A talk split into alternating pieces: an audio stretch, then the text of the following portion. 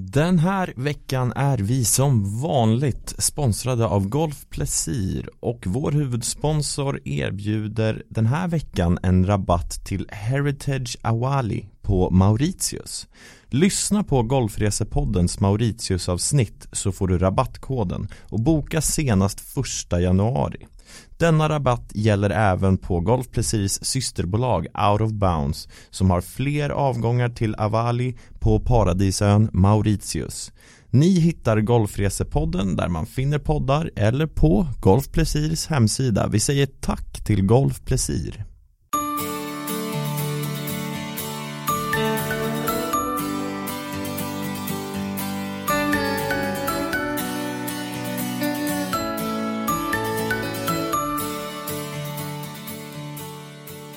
Svensk Golf Podcast Dokument Sagan om hur Stensson blev den störste.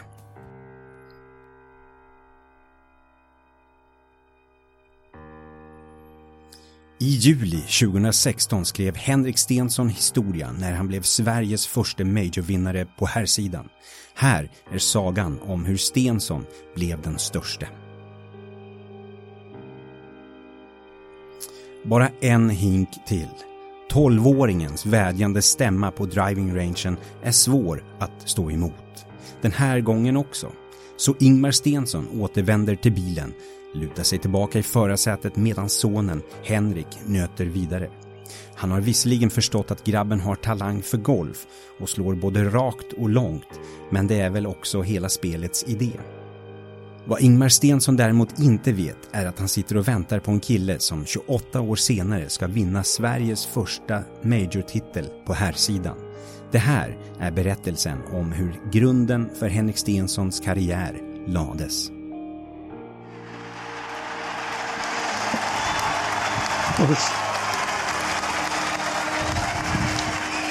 Henrik Stensson vinner.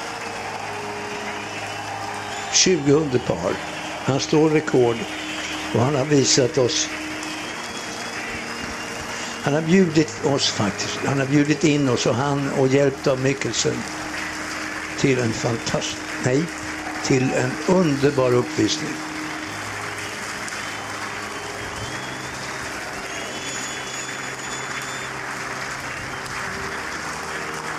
Och jag har inte så mycket att säga nu för jag har tårar i ögonen. Jag har väntat länge på det här. 50 år har jag hållit på med det här. Jag trodde aldrig att jag skulle få vara med om det. Det började med en järnfemma, närmare bestämt Mizuno Silver Cup med damskaft. En 11 år gammal Henrik Stensson håller den i händerna när han står på Gullbringas driving range med klubbens pro, Richard Baileys. Den blivande majorsegrarens första golflektion äger rum i september 1987. Henrik har fått mer smak och pass nummer två bokas in snart därefter. Snart påpekar Baileys för pappa Ingmar Stensson att Henrik imponerar med både långa och raka slag. Är inte det själva meningen med spelet? undrar Ingmar Stensson avmätt.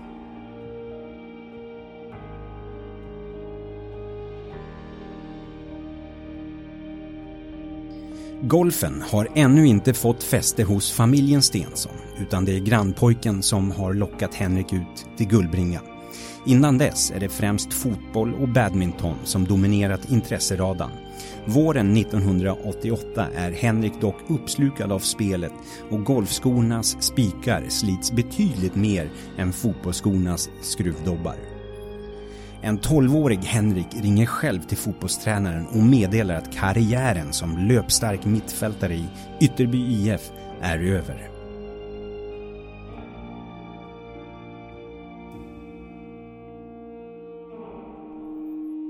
Samtidigt växlar Gullbringas tränare Richard Baileys upp genom att sätta ett tuffare mål för den hungrige junioren och tror så mycket på utvecklingspotentialen att han erbjuder pappa Ingmar att bara betala halva priset för lektionerna om Henrik inte når en viss handikapp.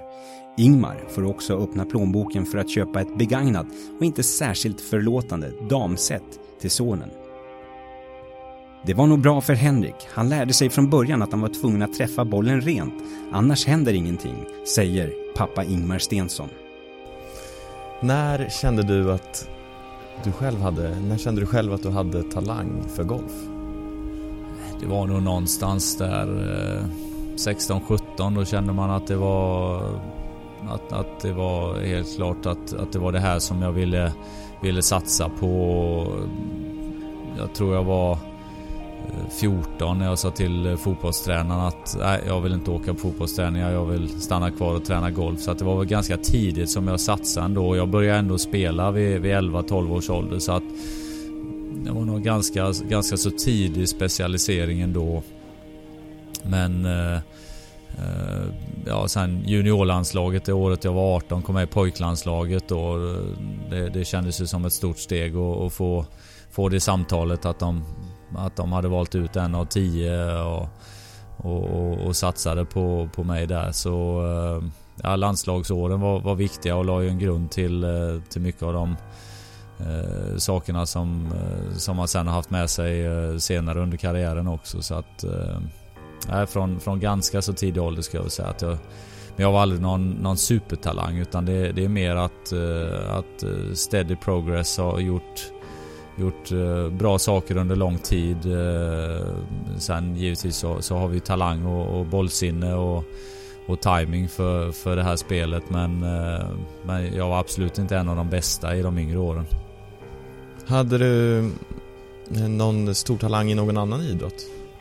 Jag spelade ju fotboll under ett antal år där och hur, hur stor talang det, det, det vet jag inte men vi kan ju, vi kan ju sparka en boll i alla fall i någorlunda rätt riktning. Så att eh, hade vi lagt tiden på att spela fotboll istället så hade vi säkert blivit hyfsade i det. Men det, det var golf jag fastnade för och valde en mindre, mindre hårdare boll istället.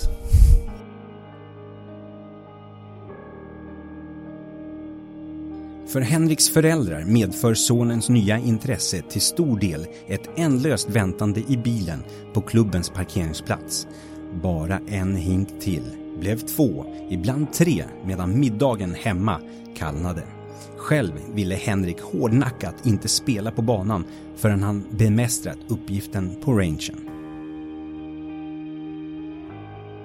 Om Ingmar lade sig i och sade att bollarna gick tillräckligt rakt blev det ofta en mörk blick från sonen innan Henrik gick och hämtade en hink till.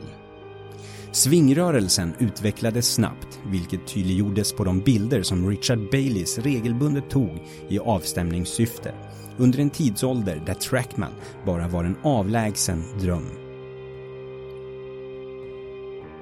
En bild säger mer än tusen ord, särskilt när det gäller golfsvingar. Jag har haft tusentals elever, men ingen har lärt sig snabbare än Henrik. Efter några månaders träning var jag övertygad om att han skulle bli riktigt bra. Han var redan då en perfektionist med laserfokus och lika envis som en foxterrier, säger tränaren Richard Baileys.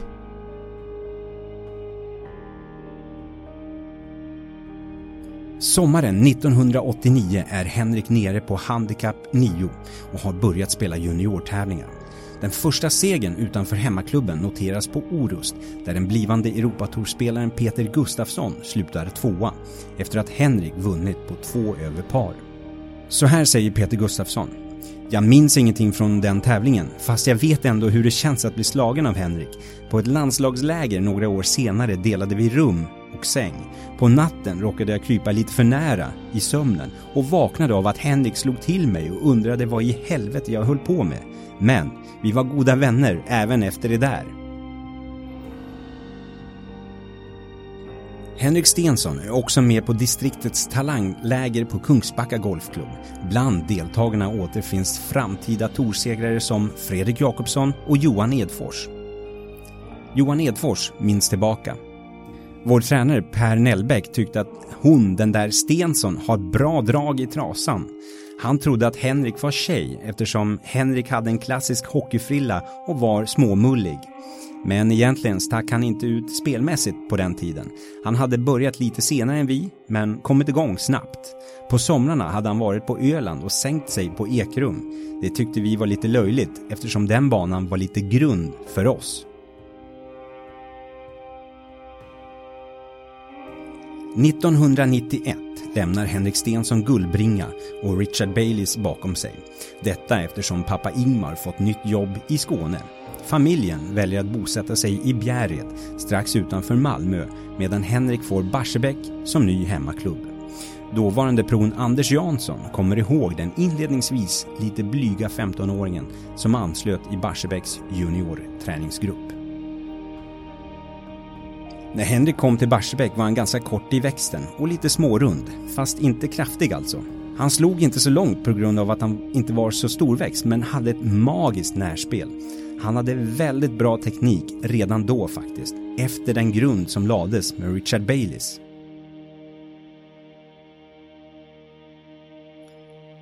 De första åren på Barsebäck präglas av träning, träning och mer träning. Både i juniorgruppen och uppblandat med individuella lektioner med Anders Jansson. Han var alltid den som var sist från banan, rangen och närspelsområdet. Och Henrik är ingen supertalang eller någon som begåvats med en jättetouch.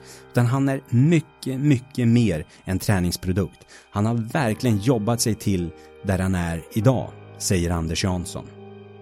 Märkte du tidigt att du var en perfektionist och var det din största drivkraft?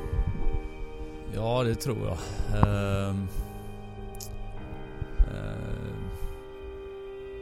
det har väl alltid, alltså vad gäller träning så, så har det väl alltid varit det drivet att göra det lite bättre och inte vara nöjd förrän det blir, blir som man vill ha det. Så att eh, det, det, har nog, det har nog alltid varit, varit med där oavsett eh, vad vi har gjort tror jag. Så det, är, det är ju både en, en stor tillgång men Eh, som, som allting så finns det en minussida också. Det kan ju vara att, eh, att det kan bli för stort eh, fokus ibland på, på den sidan.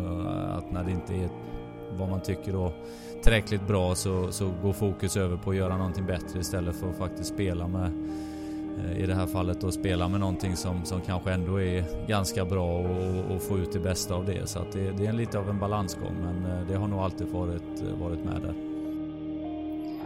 På Barsebäck finner också Henrik en trogen träningskompis i två år äldre Jesper Björklund. Förutom att de sporrar varandra i utvecklingen välkomnas deras vänskap av Stensons föräldrar ur ett rent praktiskt perspektiv, då de slipper skjutsa sonen till och från banan varje dag. Så här säger Jesper Björklund som senare blev instruktör på Vallgårdens GK. Jag hade körkort men ingen bil, så lösningen blev att jag lånade Henriks mamma Monas bil så att vi kunde ta oss till banan så fort vi fått i oss lite mat efter skolan. Hur såg en eh, vanlig träningsvecka ut för dig när du var 15? Ja, då var det ju givetvis så, så var det ju skola men, eh, men mer eller mindre varenda dag efter skolan så, så fick jag skjuts av min mamma som var väldigt snäll och, och eh, plockade upp mig och ibland några av mina kompisar efter skolan och så låg det klubbor i bilen och eh, två mackor i, i en liten plastpåse och så bar det av ut till, eh, till golfbanan och, och, och, sen så var vi där och tränade ett antal timmar tills, eh, tills det blev mörkt säkerligen många gånger och det var ju tävlingar på Puttinggreen och Chippinggreen och man stod på orangen och, och slog drivar och eh, det var ju kamratskapen också. Jag, jag hade ju de allra flesta av mina, mina kompisar eh, var ju genom golfen och på golfbanan så att eh, det, var, det var otroligt mycket tid där och givetvis mycket, mycket snälla föräldrar eh, som, som ställde upp och, och skjutsade oss både till träningar och, och tävlingar runt om. I bilen pratades det föga överraskande väldigt lite om läxor och desto mer om golf. Bilstereon kontrollerades med fast hand av Henrik som till Jespers reserverade glädje mer än gärna pumpade den schweiziske eurodisco-estradören DJ Bobo i högtalarna.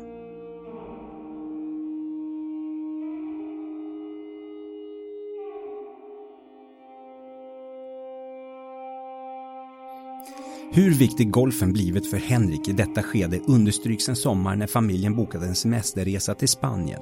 Något som inte sammanföll med 16-åringens egna planer som stenhårt hade räknat med att spela en tävling på Torekov under samma period. Ingmar fick köpa en egen returbiljett till Henrik som åkte hem på egen hand och vann tävlingen. Många tyckte det var konstigt att jag lät honom flyga hem, men det var ju det han ville. Att det gick så bra var ju bara en bonus. Alternativet var att han skulle ligga och sura på en strand i Spanien, vilket inte hade varit bättre, konstaterar Ingmar. Eh, hur var det i skolan? Fantastisk. Eh, bara femmer och an eh, så långt ögat räcker. Nej, det var väl... Eh, jag var väl okej. Okay. Jag tror att jag, jag skötte väl skolan ganska hyfsat. Jag har ett bra minne och, och ett sinne för detaljer så att jag, jag, jag tror jag var, var ganska hyfsad men det var, det var nog mer fokus på, på golf eh, på, på kvällarna än vad det var på läxor. Så att eh, eh ja, vi, vi höll oss väl någonstans där eh, mitten strax över skulle jag väl säga på, på skolarbetet. Och eh, eh det var, det var någon gång eh, på gymnasiet jag var väg och spelade en stor amatörtävling i Skottland. Det var 36 hål lördag, 36 hål söndag. Och sen på måndag morgon hade jag svenska litteraturhistoria prov och det där provet gick väl lite si och så om jag kommer ihåg rätt och jag tror jag fick ett, en tvåa i slutbetyg trots att jag hade haft tre och fyra innan i, i svensk litteraturhistoria så, så tyckte hon nog att jag inte eh, skötte mig riktigt där på sista provet men eh, vi har klarat oss ändå. Vi kommer ihåg några av författarna men, eh, men eh, ja, det, det kunde ha varit lite mera fokus på en del prov kanske. Otaliga närspelsmatcher, rangepass och jämförande med filmande positioner på VHS-band framåt i tiden har det blivit 1994. Henrik är nu en 18-årig scratchspelare som börjat göra sig ett namn på dåvarande Teen Tour och även tagits ut till landslaget inför pojk-VM i Japan. Det långa spelet utvecklas i den riktning som senare bär honom fram till den absoluta världstoppen. Dels genom målmedvetet arbete ihop med Anders Jansson, dels genom att kroppen börjar växa till sig. Jag tror att det var vintern mellan 1994 och 1995 som det bara sa pang. Då växte Henrik något våldsamt under vintermånaderna. Samtidigt var det inte så himla lätt att växa så mycket och samtidigt få ihop delarna i svingen. Då blev det en enorm skillnad i hans timing, berättar Anders Jansson.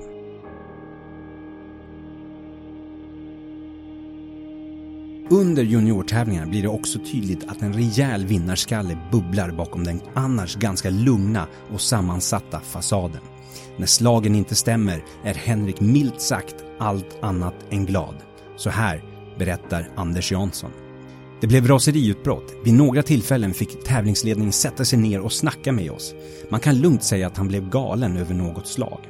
Och han hade en hög omsättning i vår klubbverkstad. Men det bottnar i att han vill så oerhört mycket.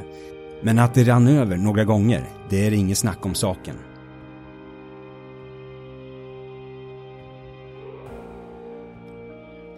Dåvarande landslagskollegan Jonas Torines presenteras också vid några tillfällen för vad som händer när Henriks drivkraft tippar över på banan. När de två under många tävlingar paras ihop i foursome. Så här minns Jonas Torines. Det kunde skena iväg lite mer än vad det gjorde för oss andra. Vi spelade en foursome-rond i Norge under ett NM där det regnade och blåste storm. Där missar han en järnetta i motvind som går out. Jag slår nästa boll out också. Sedan slår han nästa järnetta vänster in i skiten, men klarar outgränsen precis. Hela baggen hade kunnat gått upp i förintelse då, om du inte stoppat honom där.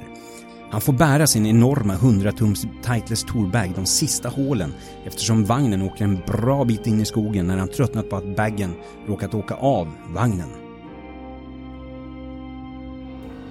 Hur stort problem hade du med humöret när du växte upp? Ja, det var väl eh, då, I så fall har vi kanske inte växt upp riktigt ännu då. Det är nog många som kan hålla med om den eh, om den biten. Men eh, ja, det, det är ju det kommer väl tillbaks till den här perfektionisten att det är att du vill att det ska vara på ett visst sätt och när det inte blir så då, då, då blir du förbannad och, och, och grinig och det är klart ibland så har ju det där runnit över både, både i de yngre åren och, och sen även i de äldre åren så att eh, och, och, vissa gånger så är det ju en, en tändning, en drivkraft att göra någonting bättre när du blir för irriterad eller arg, förbannad men men eh, vissa gånger så, så kostar det ju istället att det går åt andra hållet. Eh, däremot så helt vara helt eh, likgiltig eller nollställd. Det, det, funkar definitivt inte för min del heller. Då bryr jag mig inte, då, då spelar jag inte heller bra. Så att eh, det, det gäller, att, gäller att ha den här balansen när, när ett misstag eh, eh, inspirerar och motiverar att, att du får drivkraften och att eh, du följer upp en bogey med en, med en birdie och, och inte gör fler bogeys på grund av att du blir frustrerad och, och, och tappar humöret och koncentrationen. Men jag tror att det, ofta är det väl ett bevis på att du bryr dig och att du, vill, du kräver mer och vill mer. Men eh, som sagt, det, det, det, har ju sina gränser också. Ibland går man över den gränsen. Henrik och Jonas Torines kommer att följas åt under de kommande åren när steget från pojk till amatörlandslag ska ske. Ansvarige landslagstränaren Peter Svalin väljer att skicka ut duon till de flesta tänkbara och otänkbara internationella amatörtävlingar. Både för att killarna ska mogna som golfare och som personer. Jag skickade runt Henrik och Jonas till mindre tävlingar på egen hand. Ja, som tjeckiska öppna och de var till exempel också på Azorerna, kommer jag ihåg. Men det här var bara för att de skulle lära sig att resa och klara sig på egen hand.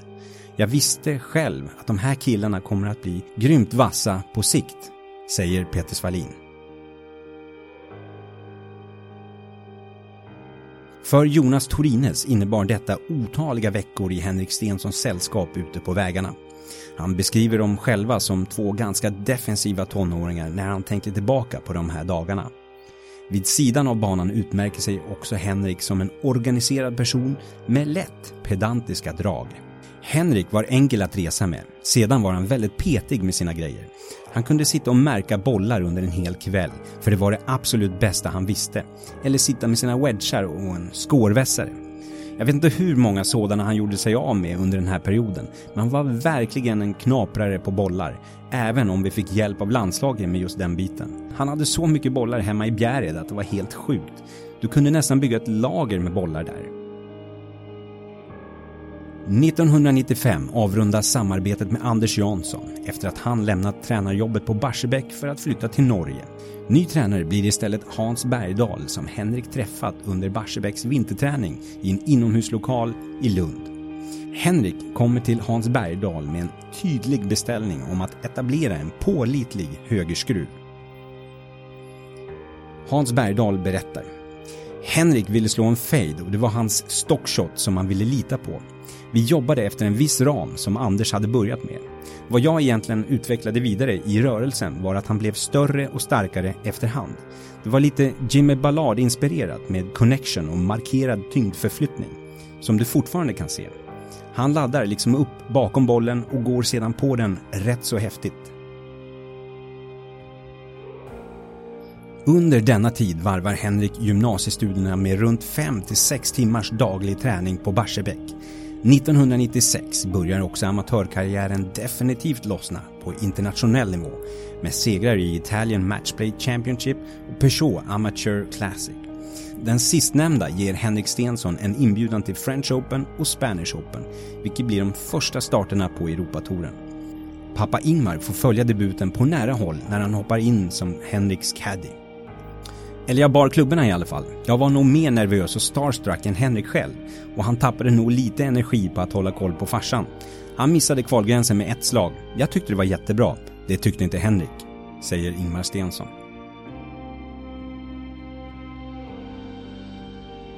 Vid ett annat tillfälle står far och son Stensson på en range i Skottland där alla bollar prydligt landar inom en radie på 5 meter. Efter 40 drivar börjar Ingmar tycka att det räcker Henrik blir istället förbannad och säger Accepterar jag 5 meters spridning på träning kanske jag accepterar 10 meter på tävling. Det duger inte, så nu slår vi lite fler. Denna envishet är lika drivande som alltid under 1997 då Henrik fyller 21 år och äntrar sitt sista år som junior. Han har nu på allvar börjat nå en tung utväxling i sitt långa spel och maler metodiskt ner motståndet på junior och amatörtävlingar genom att rada upp green och fairway-träffar. Jonas Torines lyckas visserligen detronisera Henrik i en smått legendarisk semifinal i JSM-match på Gränna där en 63-rond brädar Stensons annars tunga varv på 64 slag. Jonas Torines blickar tillbaka. Skulle man be någon att för sitt liv slå ett 210 meters slag i motvind med out of bounds gräns på vänster och höger sida så hade man valt Henrik tusen av tusen gånger. Så vass var han då på att slå en golfboll. Han var faktiskt ganska dålig puttare under juniortiden, men han var ändå med och slogs i toppen. Så överlägsen var han. Henriks bag består vid denna tidpunkt av Ping Sing 2 järn, Cleveland wedgar och en 6,5-gradig Big Bertha driver och inte minst en Wilson Firestick Spoon. Tränaren Hans Bergdahl under den här tiden började han utveckla sitt fantastiska spel med spoonen. Han slog nästan den över nätet på Hyljekrokens range där vi ofta hade våra pass. Det finns fortfarande bollmärken i båda byggnaderna som finns på andra sidan rangen från Henrik Spoon. Han loftade ner klubban extremt mycket i träffögonblicket. Det är därför driven ibland varit något av ett problem eftersom han kommer in så brant mot bollen.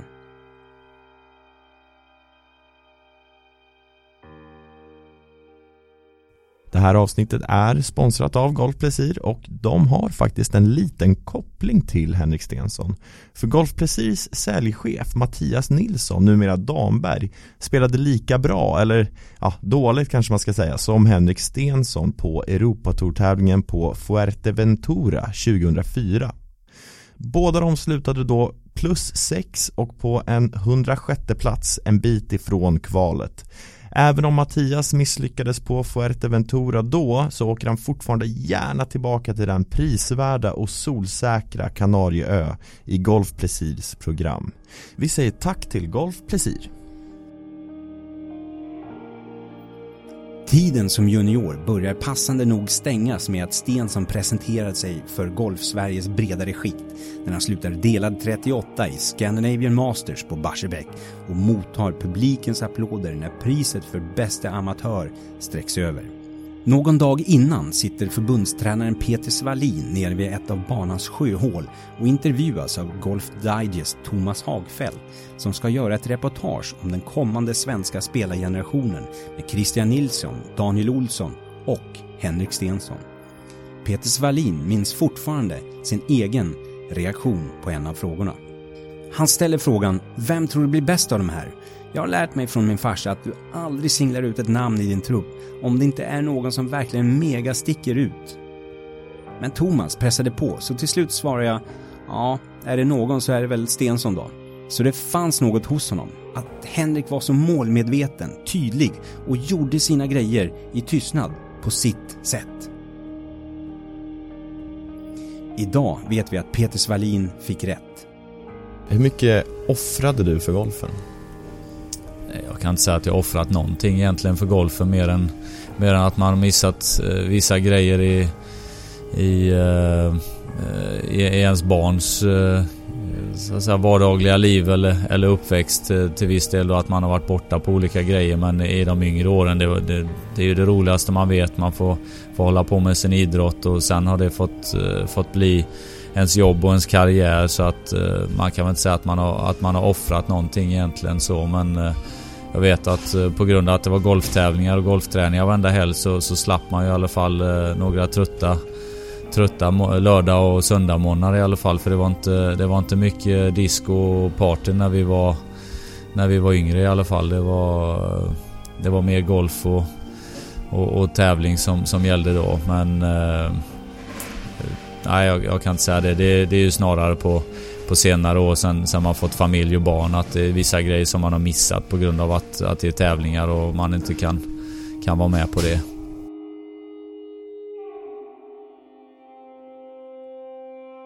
Du har hört Svensk Golf Podcast Dokument. Sagan om hur Stensson blev den störste.